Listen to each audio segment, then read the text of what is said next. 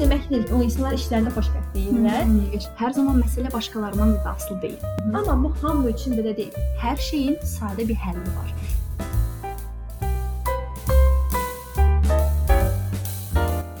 Salam, necəsən? Ümid edirəm ki, birinci hissəyə qulaq assın və dediyimiz nöqtələr haqqında, yəni işin və tətilin səndəki mənası haqqında həqiqətən də oturub bir fikirləşdin. Yəni qaldığımız yerdən davam eləyək. Mhm. Dediyim kimi, mənim üçün tətildən qayıtmaq yeri heç vaxt yəni bir xüsusi bir iş olmayıb, tam tərsi bir arzu olub, hətta tətildən geri qayıtmaq, bəlkə tətilə getmək qədər mənim üçün maraqlı olur. Niyə bəzi insanlar da məsələn mən mənim kimi insanlar belə fikirləşir, amma bəzi insanlar belə fikirləşmir. Və insanlar belə fikirləşmirsə, yəni tə, iş tətildən sonra işə qayıdanda bir narahatçılıqları varsa, bir məmnuniyyətsizlikləri varsa, bu o demək deyil ki, o insanlar işlərində xoşbəxt deyillər. Mhm, qəşəng Yoxsa bu o deməkdir ki, o insanlar özlərində bir problem var və bunu necə həll etmək olar? Biraz bu haqqda danışaqmı? Aha. Ə, əslində bu sualın başında da dediyimiz kimi, insanı insandan ayıran şey həmin mövzu ilə bağlı onun nəyi necə kodladığı, nəyi necə qavradığıdır. Əgər günün sonunda dediyimiz kimi, iş mənim üçün stressdirsə, çətinlikdirsə və həyatımın başqa bir hissəsidirsə, həyatım deyil, həyatımdan başqa bir hissədirsə, o zaman mənim üçün əlbəttə ki, çətin olacaq işə qayıtmaq. E, bəzi insanlarda rahatlıqla da çünki onlar iş prosesini həyatlarının bir hissəsi kimi görürlər, artıq ayrı bir şey deyil. İkincisi, burada iki faktor var. Dedim ya, məsələn, bu deməkdir ki, o zaman əgər insan xoşlamırsa, əgər insan məmnun deyilsə, burada bir problem yaşayırsa, deməli bu insan işindən məmnun deyil.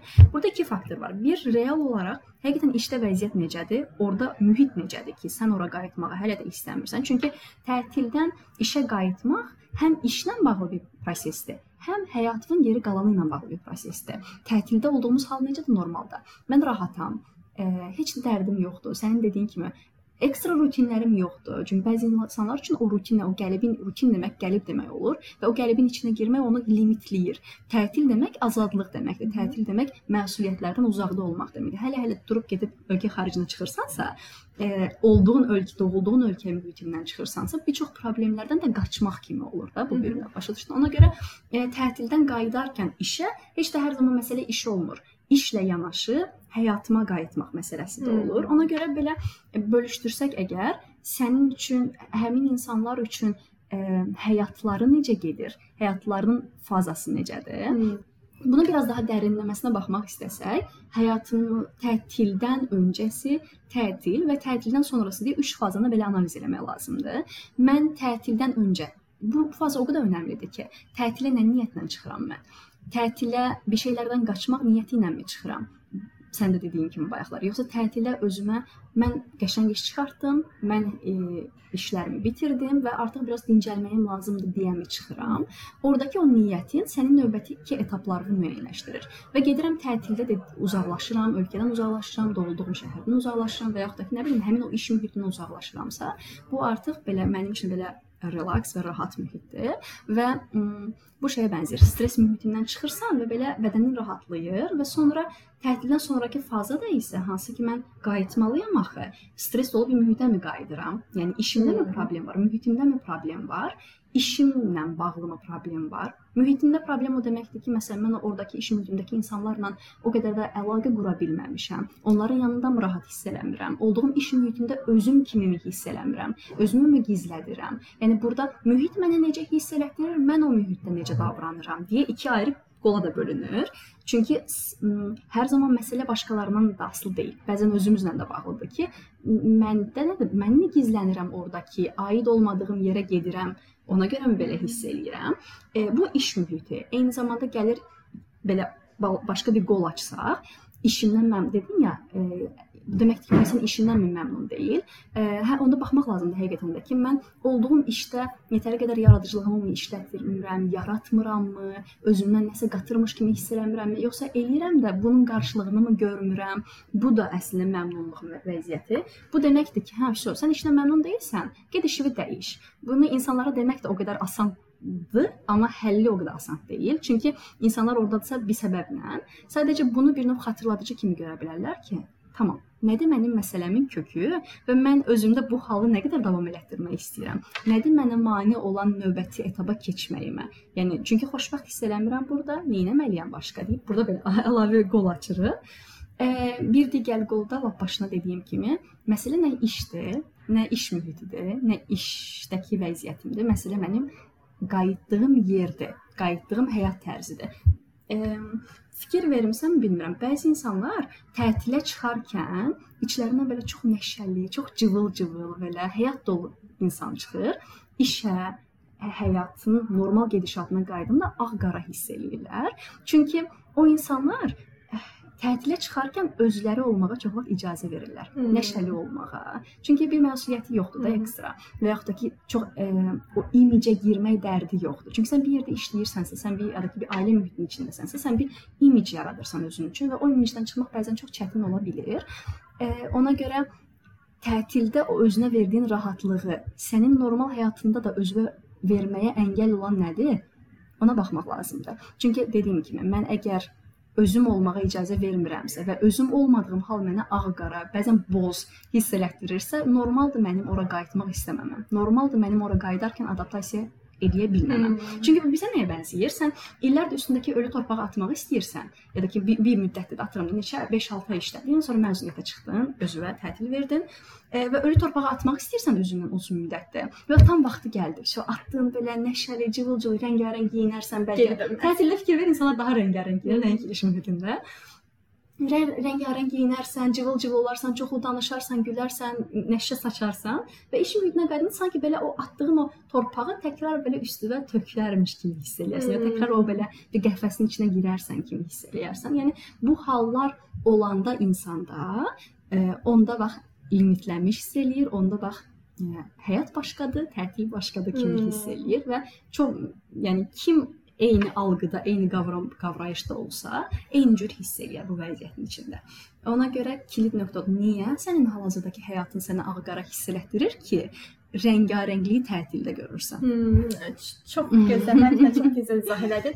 Yaşasan özümdən, yəni mən də burada pasiyent kimi həqiqətən yəni öz üzərimdən deyə bilərəm həqiqətən. Sən deyəndən sonra fikirdim, mənim həyatımda bu iki nöqtə olmuşdu. Birinci o nöqtə ki, hardakı mən işimi çox sevirdim, amma iş mühitini sevmirdim. Hə oradakı insanlarla ne bilmirəm niyə, amma həmin müddət oradakı insanlar arasında özümü heç xoşbəxt hiss eləmirdim. Və o vaxtlar mən yadımdadır, 6 bazarları, hətta 6 bazar deyil də günün sonu saniyələri sayırdım ki, günün sonu gəlsin, mən evə gedim. Və səhərsi təzədən işə qayıtmaq mənə o qədər çətin idi ki, və tətillər də eyni şəkildə o vaxt tətilə gedəndə o qədər xoşbəxt olurdum ki, mən tətildən geri qayıtmaq çox narahat gəlirdi. Çünki işimi sevsəm belə günün sonunda əgər bir çox işlər qrup halında görülən işlərdir və bu çox əhəmiylidir. Sən qrupdakı insanlarla da yaxşı, hamı ilə məcbur deyilsən, amma yəni ümumiyyətlə əhval-ruhiyyə qrup arasında yaxşı olmalıdır. Amma məndə düzün desəm o hal yox idi. O qədər də özümü rahat hiss etmirdim orada, orada. Və ona görə də qaçmaq o qədər mənim üçün önəmli idi ki, o qədər mənə xoşuma gəlirdi ki, geri qayıtmaq həqiqətən həqiqətən də heç bir şəkildə istəmirdim. Ə, ikinci halda isə, hə ikinci nöqtə isə sən o dedin yaratmaq nöqtəsi. Yəni yenə deyirəm, mən işimi sevirdim, amma İşimi bir müddət elədikdən sonra işə gedirdim, gəlirdim, xoşbəxt idim. Hı -hı. Amma elə bir nəsə çatmırmış hissi var idi içimdə. Tətilə daha xoşuma gəlirdi. Yenə işimi də sevirəm, amma tətilə daha xoşuma gəldi. Daha çox tətili üstün tuturdum. Çünki tətildə yaradıcılığımı istifadə edə bilirdim. Amma sonra mən başladım nə etməyə? Mən bunu həll yolu kimi götürdüm. İşimdən əlavə İndi sən burada hmm. hamısı ayrı bir işdir deyəcəksən. Amma yəni gəlir yerimdən əlavə özümə başqa yerlər tapmağa çalışdım. Harda ki mən yaradıcılığımı istifadə etməyə çalışıram. Məsələn, podkast kimi. Və podkasta başlayandan sonra mən gördüm ki, elə kimyaşıqda da özümü daha yaxşı ifadə edə bilirəm. Özümü daha yaxşı hiss edirəm. Çünki o enerji var idi, hansı yaratmaq istəyirdi, bir şeylər ürətmək istəyirdi. İşte podkast yaratdım. Yəni yaxşı pisinə tərk edirsə, Hı -hı. amma həqiqətən bu enerjini tökə bildim və ondan sonra o qədər xoşbəxt hiss etməyə başladım ki, artıq hətta işə gedirdim, işdə işə getməyə də sevinirdim, işdə evə gəlməyə də sevinirdim. Ha, Çünki birində bir tərəfimi inkişaf elətdirirdim, hansı ki o oxumağı, elmi türkəni inkişaf elətdirə bilirdim. O birisində isə yaradıcı türkəni e, inkişaf elətdirə bilirdim və bu şəkildə mən bu problemi həll edirdim və həqiqətən belə baxsaq yəni də e, bu işindən qıraqda şeydir. Bunun kimyaçılıq nə əlaqəsi var? Amma həqiqətən insan zəncirvari bir şəkildə gedir. Bir şey eləmək o bir şeydə yaxşı təsir edir deyə Həqiqətən mənə çox yaxşı təsir Əslində elədi sənin tapdığın yöntəm çox qəşəng bir yöntəmdir. Belə ə, bilirsən nəyə bənzər bu? Sən ehtiyaclarını müəyyənləşdirmisən. Bilmisən ki, nəyə ehtiyacın var və o ehtiyacları tək-tək doyurmusan. Doyurduğun üçün artıq belə həyatdakı məmnunluğun artıb. Çünki insanlar bax Bayaqları çox yaxşı sual verdim. Məsələ budur ki, insanlar işini mi sevmirlər, işdənmi? Onu nə etsinlər? İşdən mi çıxsınlar? Yəni əslində ə, ümumi baxanda görünür ki, işdə problem var, amma diqqətlə insan həyatını analiz edəndə, işini analiz edəndə görür ki, yox, məsələ əslində iş deyil. Sən dediyin kimi, mən əslində işimi xoşlayıram. Məsələn, sən ora analiz edib və baxmısan deyə görmüsən ki, məsələ mənim işim deyil ki, məsələ mənim iş mühitimdir. İş mühitimdə xoşuma gəlməyən şeylər var. Dəyişə bilərəmmi indi? O zaman dəyişim. Bilmirəmmi? O zaman nə edə bilərəm məsələn? Alternativlər orada öz ehtiyacına görə verəndə, sən artıq tətil bilirsən nəyə bənzər? Yanında balaca bir uşaq var və o uşaq bir şeyə görə ağlayır və sən onu susturmağı yox, oturub ondan danışıb və soruşmağı ki, nə istəyirsən, nəyə ehtiyacın var, nə edeyim sənin üçün deyirsən. E, adətən insanların elədiyi birinci olur çünki e, narazıdırlarsa, "Of, niyə narazısan? Falan qədər maaş alırsan, falan yerdə işləyirsən. Sənin yaşlıların heç burada deyil, amma sən burdasan. Nədən nə, nədən deyil məmnun deyilsən?" deyib susturmağa çalışırlar özlərini. Belə olanda insanın məmnunsuzluğu artır əslində. Bu mövzudan yola çıxaraq da belə hamıya belə xatırladıcı olsun istəyirəm ki, içi biz qarışıq. Bir yerdə məmnunsuzluğun varsa, bir yerdə narahatçılığın varsa, onun üstünü bağlayıb özünü nankörmüş kimi hiss eləməyə əvəzinə ki, ə, nədən məmnun deyilsən deyə. E, bax ki, ki, həqiqətən nədən məmnun deyiləm, nə məni narahat eləyir. Sən onun ehtiyacını tapanda o tərəfin, o uşağın, özünün e, o ehtiyacı qarşılayandan sonra belə bütün halda həyatına davam edirsən. Hı. Əks halda o ehtiyacı qarşılamazsan, o böyüyür, böyüyür, böyüyür. Gəlirsən evdə əslində xoşbəxt insansandır, amma o işdəki o mühitin məmnunsuzluğun gələcək evə də yansıyacaq, bəli. həyatına da yansıyacaq. Çünki niyə ehtiyacını qarşılamamısan? Ona görə bu çox önəmli nüansdır.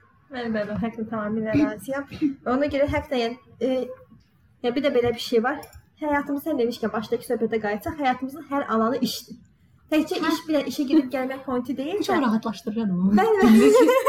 Mən də buna Bəs, rahatlaşdım. Həyatımız işdən ibarətdir. Görə qəbul edirəm. Həqiqətən yəni də əgər sən bu işdə xoşbəxtsənsə, avtomatik olaraq yemək bişirmə işində də xoşbəxt olacaqsan və hamısında avtomatik xoşbəxt olacaqsan. Və bir də ki, o şeyi bilmək, sən demişdin həyatımdakı hansı işlər məni xoşbəxt edir. Bunu bilmək və qalan işləri hansı şey səni az xoşbəxt edir, ya xoşbəxtliyi yəni əlindən alır. Onlara bəziləri var ki, mümkün deyil. Məsələn, tutaq ki, edilməli. Hə, hə, məsələn, sənət üstəd işləri, mən sənət üstəd işlərini nifrət edirəm, tamamı? Fərqi yoxdur, harda olur olsun, nə ilə bağlı olur olsun. Amma yəni bunu həyatımdan çıxarda bilmərəm. Yəni şəxsiyyət vəsiqəm eləməliyəm, pasportumu eləməliyəm, vizamı almalıyam. Ya bunlarsız mümkün deyil bu həyatda davam etmək. Ona görə mən nə edirəm? Evlənmişəm, edirəm. Qəşəng. Demək nə edirik? Evlənirik, ərimiz olur. Ona yəni bunu edib, necəsə buna olan vaxtı azaldırıq. Ya da ki, bunu edərkən bundan bir yerdə xoşumuza gələn bir iş eləməyə çalışırıq. Hmm. ki bunu necəsə məmnuniyyətsizlik azalsın heç olmasa. bununla bağlı sənə bir şey demək istəyirəm. Ə, mən bunu həm seanslar keçəndə belə yəni bunu həm Leyla olaraq deyirəm, həm psixoloq olaraq deyirəm yaşı. Ə, müəyyən məsələlər səni çox-çox narahat edəndə düşünürük ki, mənim bundan xoşum gəlmir də ona görə. Amma sən bax yenə deyirəm, sən onun əslində səni deyirsən də sənət düşünən işi. Bu belə başqa bir mövzu keçir amma deyəcəm. Ə, sə- sənət düşünən işi deyirsən də məsələn səni çox narahat edir də.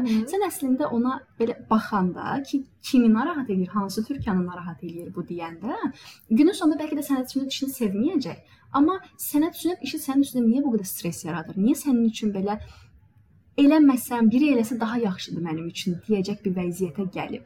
Sən o stres faktorunu tapsan özün üçün ki, nə vaxt nə baş vermişdi ki, Türkan üçün bu sənət sünət bu qədər işgəncə halına gəlmişdi də, narahatlıq.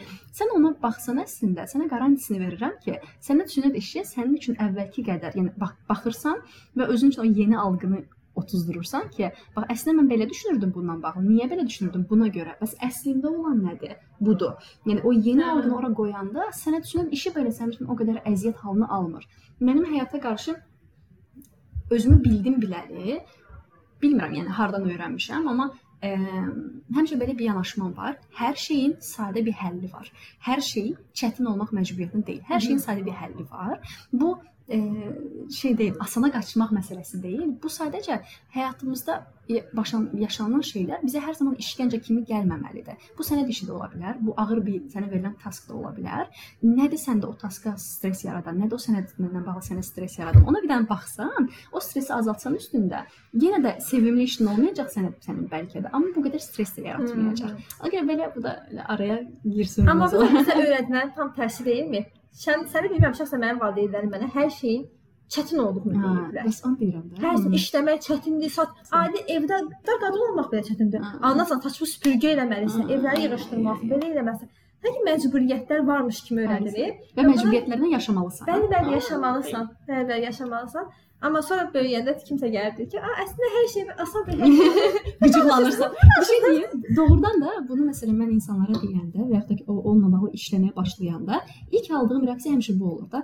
Belə bir, bir gözlər şey olur, qısılır, bir ağız əyilir, bir baxır yan-yan baxış atılır ki, nə danışırsan, nə sən deyə. Amma sonra həqiqətən bunu öz təcrübəmdən deyirəm, həm Leyla olaraq yendirəm, həm psixoloq olaraq görmüşəm ki, biz onun kökünü tapıb baxanda və o dəyişdiriləndə yenə deyirəm, dünyanın ən sevimli işi olmayacaq sənin üçün. Olduğu da olur bu arada. Amma sənin üçün artıq o qədər stres yaratmır. Çünki kilit zaten sənə necə öyrədildiyidir bunun. Amma mənə belə öyrədilib də, deyib belə oturub ahvah eləmək üçün deyil bunun eşidilməsi. Ona görədir ki, bax sənə belə öyrədilib, amma sən belə eş yaşamaq məcburiyyətində deyilsən. Bunun başqa yolu da var. Yetər ki, sən bax bunu dəyişdir. Yəni ona görə belə. Qəşəng point. Bunu gəlin bir dəfə bunu alın cibinizə qoyun. Psixoloqumdan danışım gərək görüm mən niyə sənin işindən bu qədər Mən elə tam elə bu söhbətdən danışmış danışmışkən həqiqətən gəl bu söhbətə də baxaq. Ne necə həll etmək olar ki, necə asanlaşdırmaq olar? Əgər hmm. hər hansı, okey, sən bayaq 3 dənə çox yaxşı bir nöqtə dedin. Ə, problem nöqtə, hansı ki, tətildə sonra işə qayıtmağımızı daha da çətinləşdirə bilər.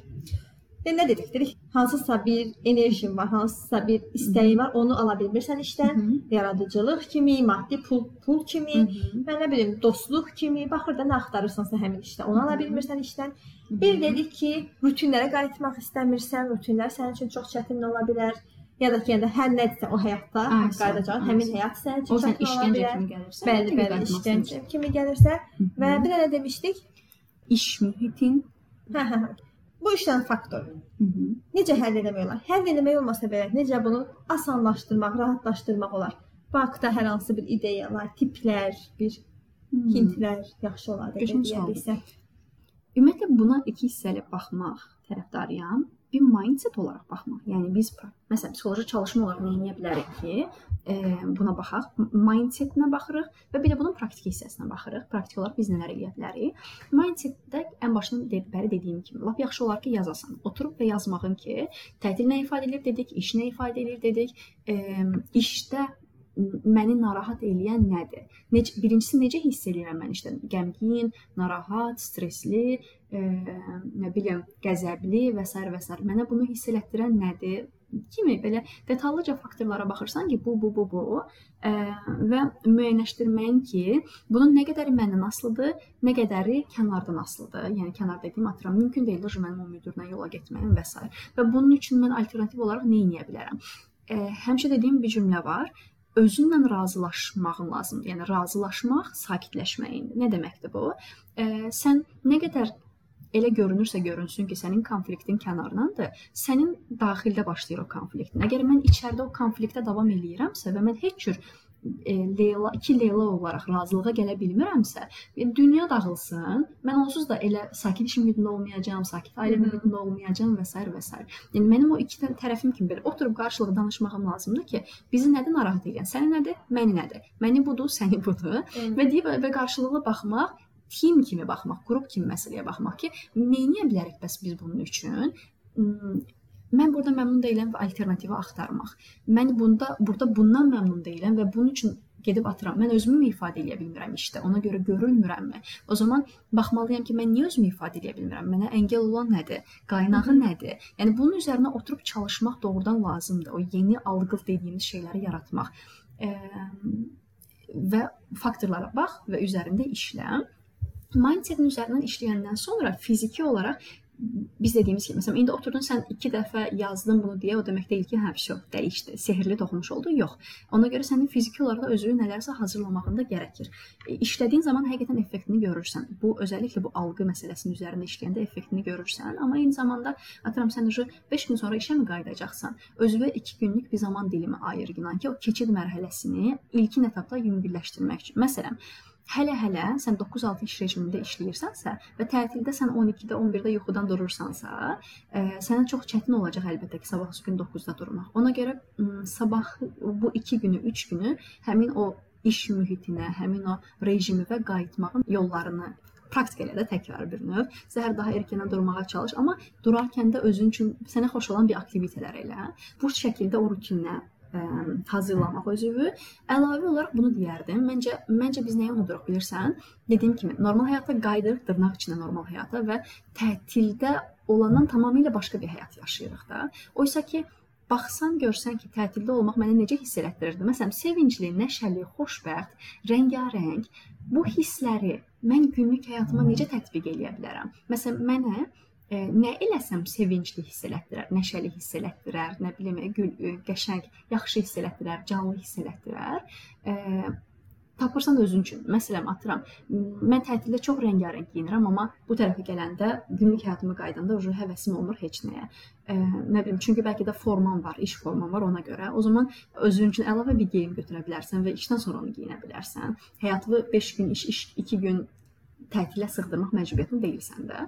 Ya və yaxud da ki, nə bilim, sənə nəşəli hiss elətdirir, arxa fonda qəşəng mahnıya qulaq asaraq günə başlayırdın. O zaman o mühiti özün üçün yarat. Yəni sənə tətil kimi hiss elətdirən o hissləri gətir günlük həyatına inteqrə etməyin bir yolunu tap. Balaca-balaca rutinləri və qat. Dediyim kimi, rəngarənglik istəyirsən, masava rəngarəng bir şeylər qoy kimi. Bu tip şeylər sənin beyninə həm də xatırladıcı rolunu oynayır ki, okey.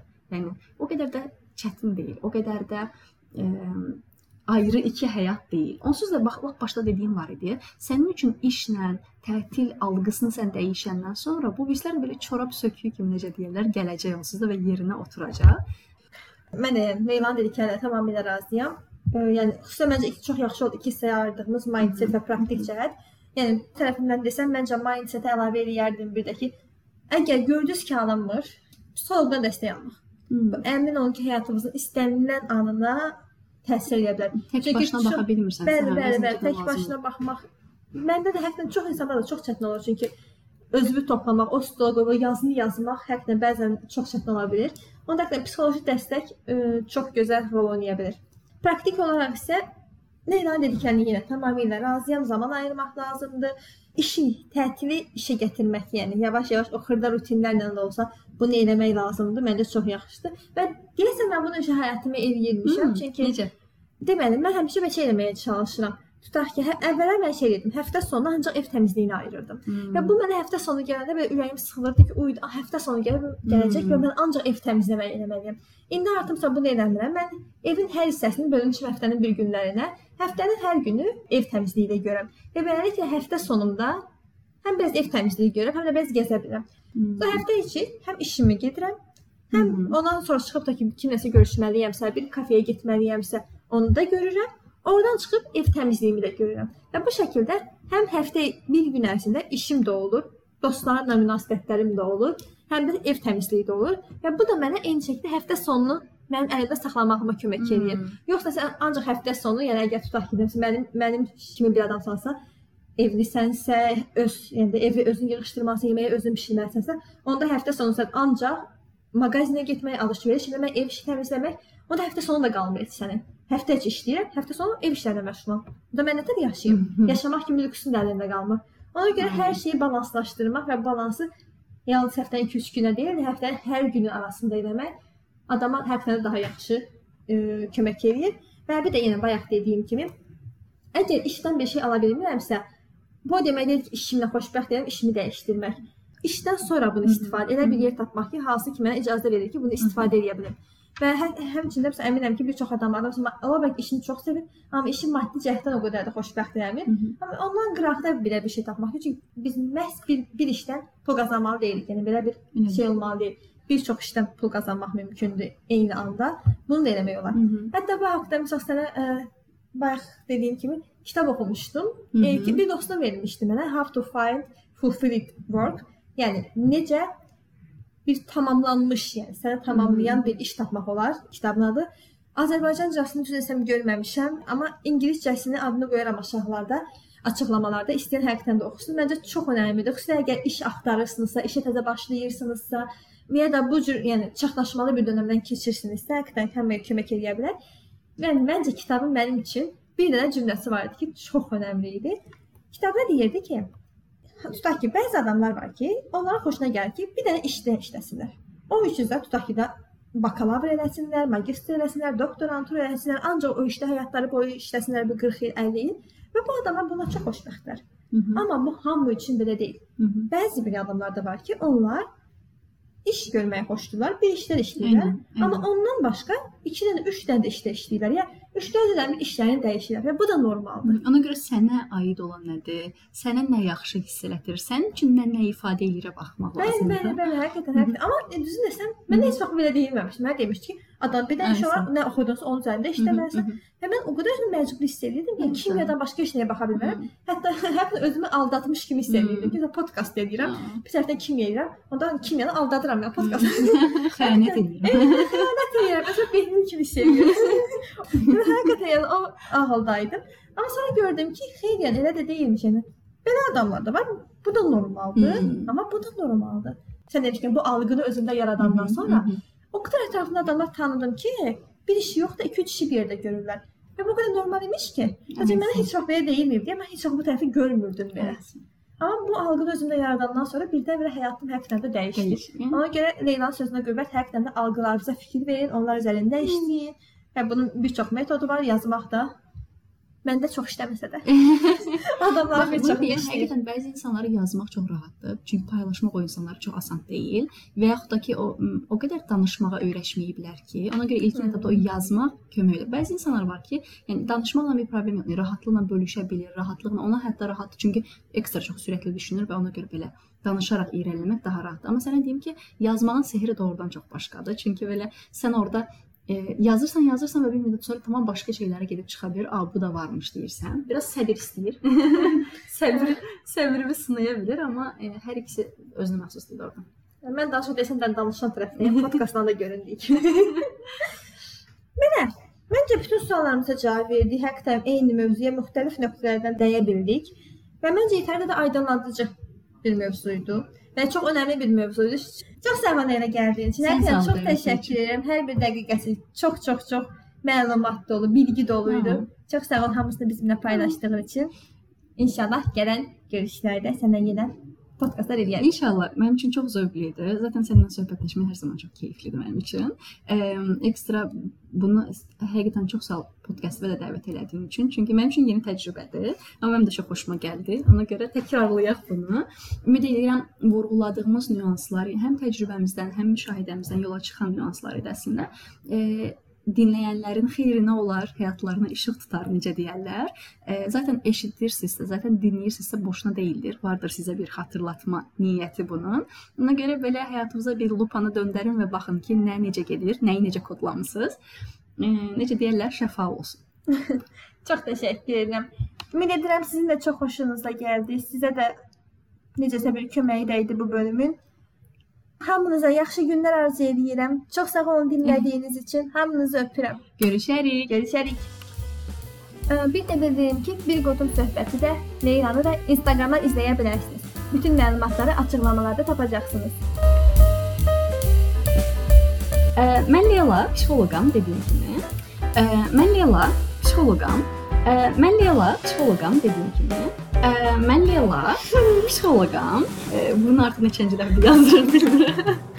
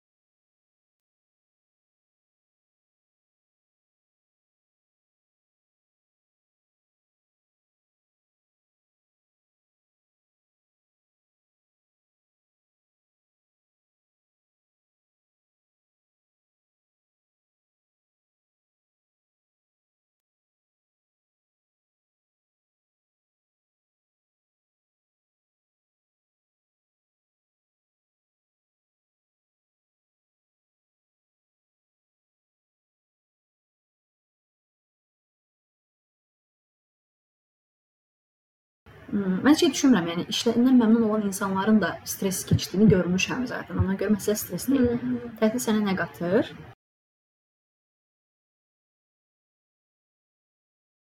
Tətildən öncəki faza o qədər önəmlidir ki, sən tətilə nə niyyətlə çıxmısan? Sən ona görə çıxmısan ki, qaçmaq üçün, yoxsa ona görə çıxmısan ki, sən ə, təcrübə işimi gördümsən də sənin kimi işimi gördüm və s. bir dincəlmə vaxtıdır qardaş deyirsən və çıxırsan. Bu çıxmaq yöntəmin sənin tətildən sonrakı fazaya çox təsir eləyəcək.